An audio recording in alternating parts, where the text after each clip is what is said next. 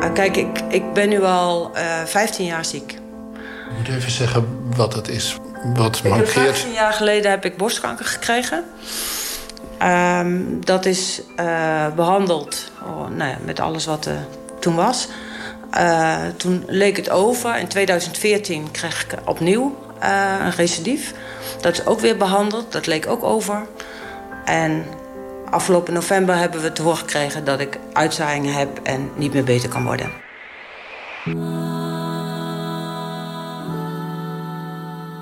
Welkom bij Nu je het zegt.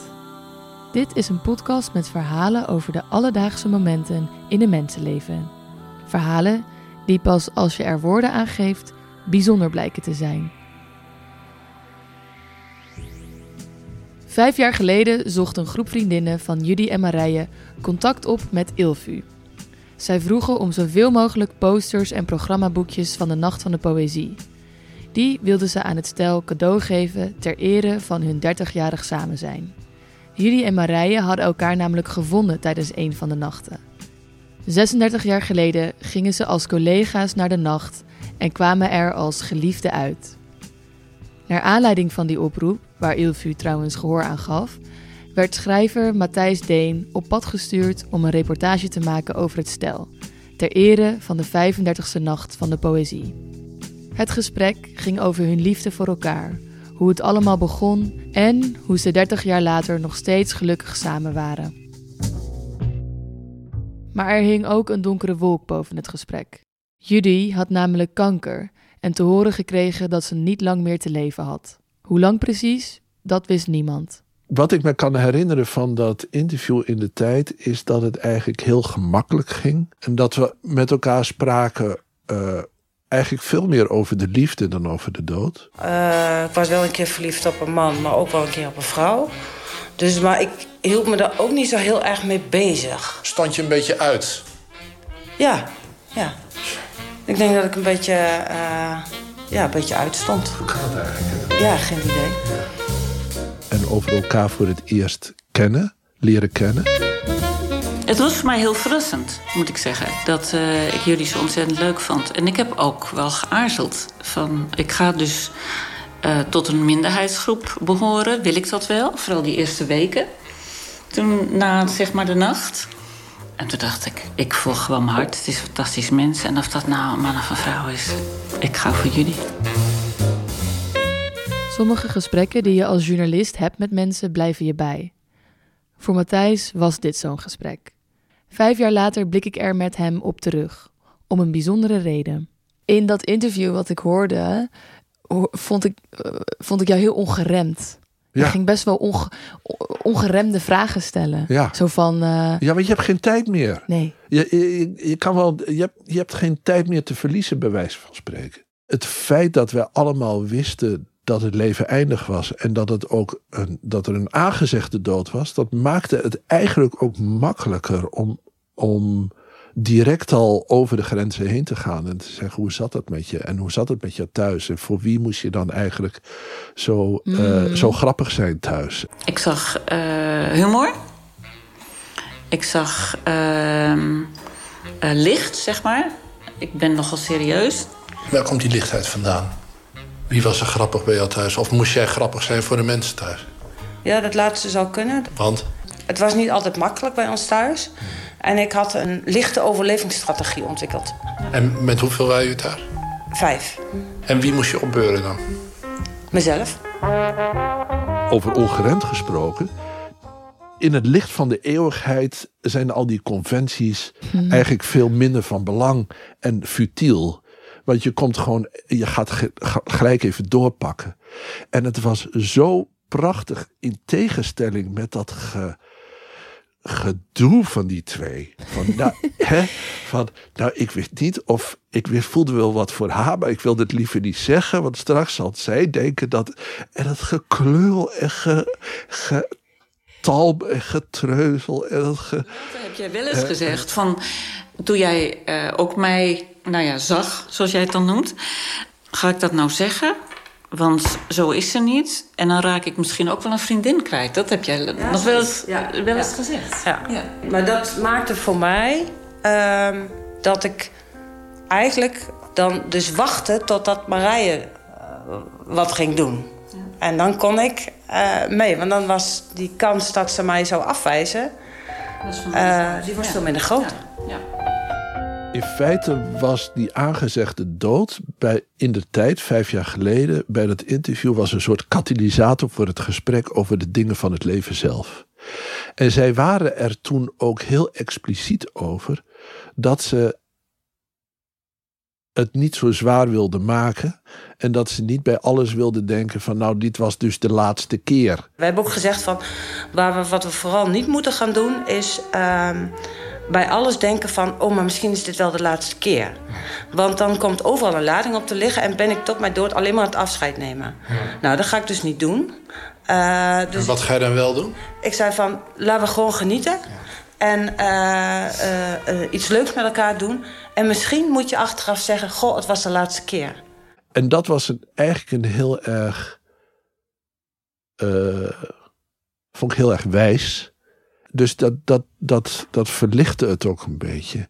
Dan krijg je een soort vreemde combinatie van het feit dat zij dus in een situatie is van een aangezegde dood. Een, een, een persoon krijgt daardoor een soort, een soort glans, een soort. Um, je staat al met, je, met één been in de eeuwigheid. Dus zo'n persoon krijgt een bepaalde specifieke status. Mm Maar ze was ook heel dichtbij, want je kan een beetje horen dat ze ook uit het oosten komt, net als ik.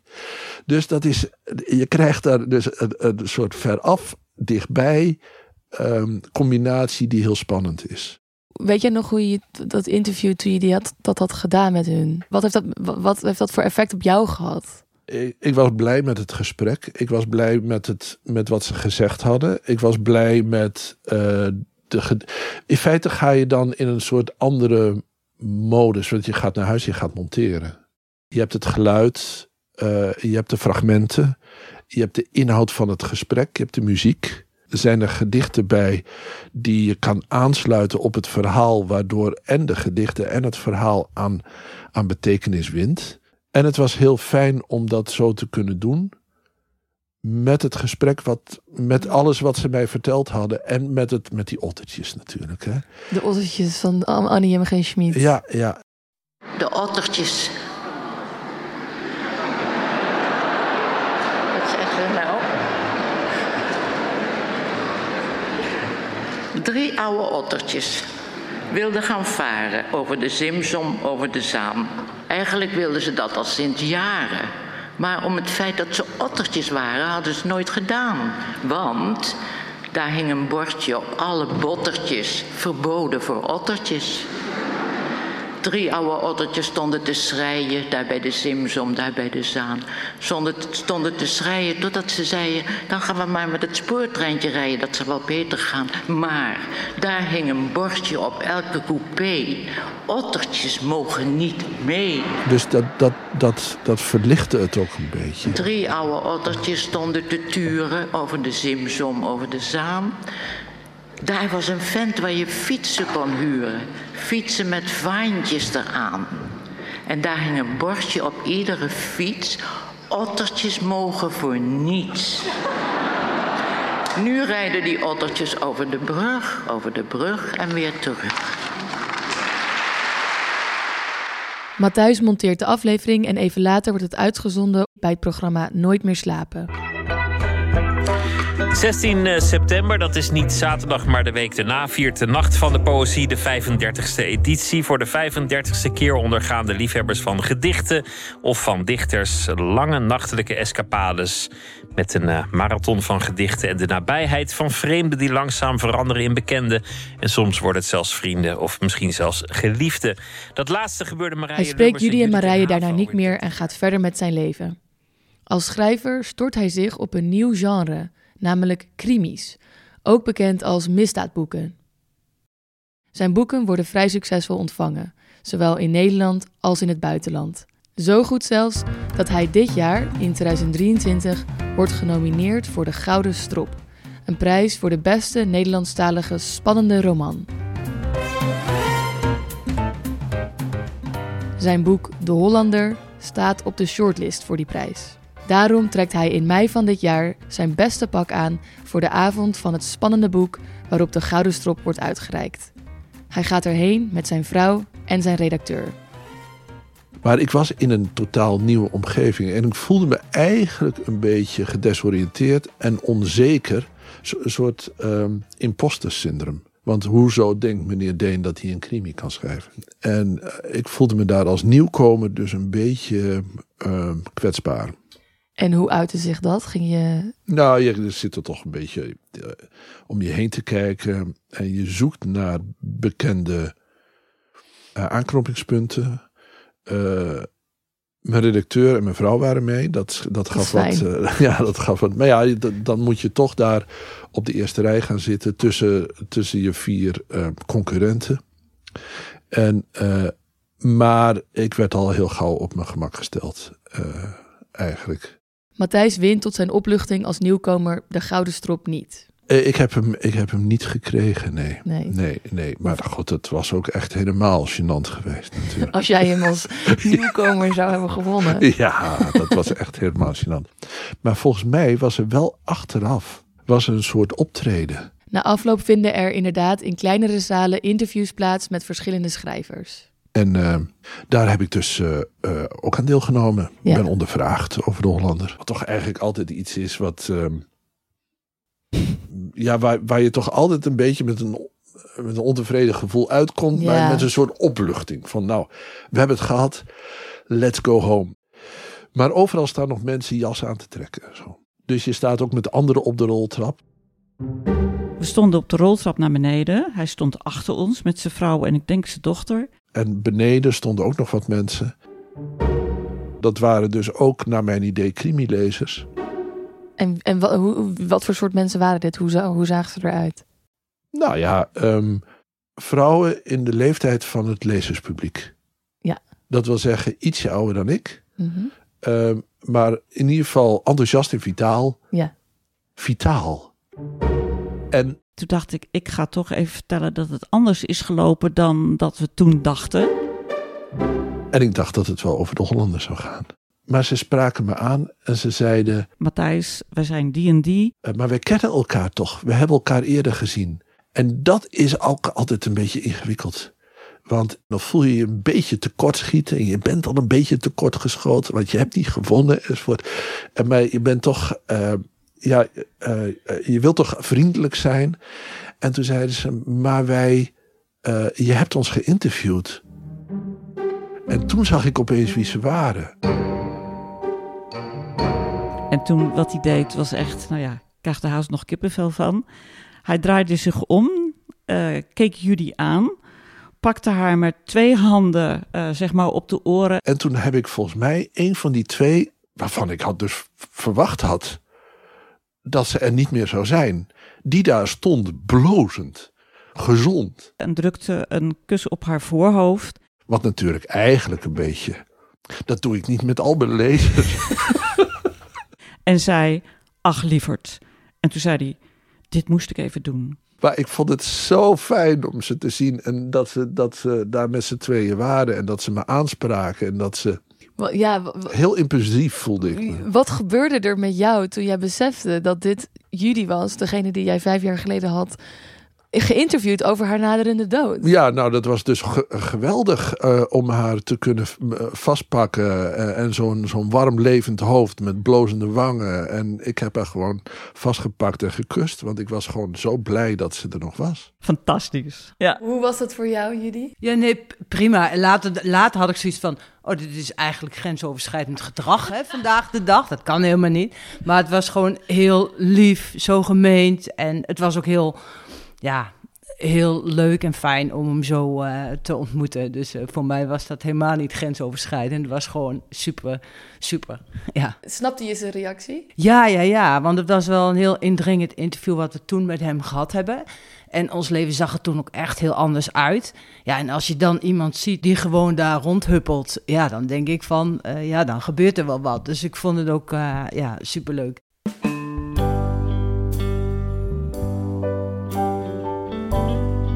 Bij sommige mensen heb je het idee dat ze, dat ze een tweede kans krijgen of in de verlenging zitten. Maar dat had ik bij haar helemaal niet. Het was gewoon een, een, een geschenk. Ja. Uh, een geschenk van gene zijde. Dat die, die mensen die je zo lief en aardig vindt en die je zoveel gunt, dat die gewoon nog lekker door kunnen en nog steeds kunnen. En ook de reactie van zijn vrouw, want hij had het met zijn vrouw erover gehad. En nou, die knikte ook heel erg en uh, die was ook heel, uh, ja, deed ook heel aardig. Dus het was, uh, het was een leuke, leuke ontmoeting even. Ja. Hoe ging jij toen naar huis? Heb je het er nog over gehad met je ja, vrouw? Ja, natuurlijk. Met, met, met Kim en, en Saar. Van nou, het is toch niet te geloven. En wat fijn dat. Dat heb je soms dat je eh, dat je iets overkomt waardoor je je gewoon goed voelt.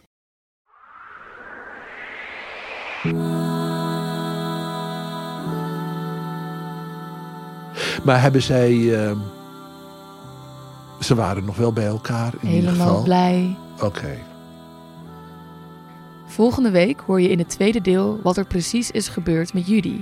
En hoe het met haar en Marije is gegaan de afgelopen vijf jaar. Ik bedoel, ik heb zeven jaar geleden dacht ik van ja, mijn pensioen ga ik niet halen. En nu denk ik van, oeh, ik moet toch eens even op mijn pensioenoverzicht gaan kijken. want dat begint nou toch in de buurt te komen. Nou, ze ging hier om 12 uur weg. En om half één belde ze mij. En ze zei, ja, ik vind dit zo raar. Maar ik moet je toch zeggen dat um, borstkankeronderzoek heeft uh, uitgewezen dat er opnieuw gekeken moet worden. Dit was Nu je het zegt, een podcast van Ilvu.